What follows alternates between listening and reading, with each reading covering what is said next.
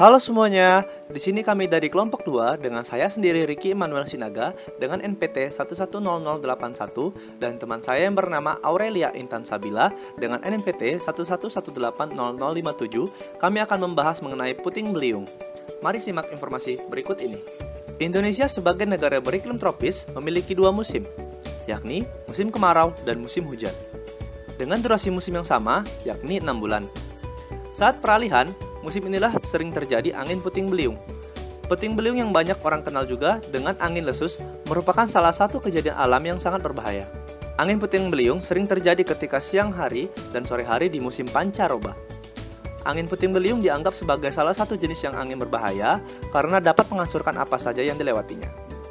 Hal ini dikarenakan oleh benda-benda yang terbawa oleh angin puting beliung dapat terangkat dan terlempar begitu saja. Puting beliung adalah angin yang berputar dengan kecepatan lebih dari 63 km per jam yang bergerak secara garis lurus dengan lama kejadian maksimum 5 menit. Selanjutnya akan dijelaskan oleh teman saya, Aurel. Perkenalkan, nama saya Aurelia Intan Sabila dan bahasan selanjutnya yaitu mengenai fase yang terjadi pada pertumbuhan puting beliung. Terdiri dari tiga fase, yaitu fase tumbuh, fase dewasa, serta fase punah fase tumbuh di mana di dalam awan terjadi arus udara yang naik ke atas dengan tekanan yang cukup kuat. Untuk fase dewasa, di dalam fase ini titik-titik air yang tidak lagi tertahan oleh udara akan naik menuju ke puncak awan. Serta fase punah adalah fase di mana tidak ada lagi masa udara yang naik, namun masa udara akan meluas di seluruh bagian awan. Untuk gejala dan tanda-tanda yang patut kita waspadai yaitu terlihat gumpalan awan yang gelap, besar serta tinggi. Selain itu terdiri dari petir dan guru, terlihat dari kejauhan, diikuti dengan suara yang besar.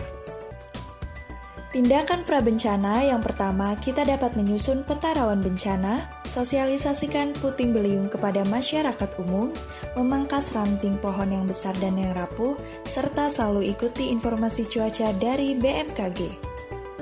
Tindakan yang kita lakukan saat bencana, ada baiknya kita berlindung pada bangunan yang kokoh dan aman, serta segera menjauh dari lokasi kejadian. Dan tindakan yang dilakukan setelah bencana, kita harus berkoordinasi dengan berbagai pihak serta mendirikan posko untuk bantuan. Sekian dari kelompok 2, salam sehat dan sampai jumpa.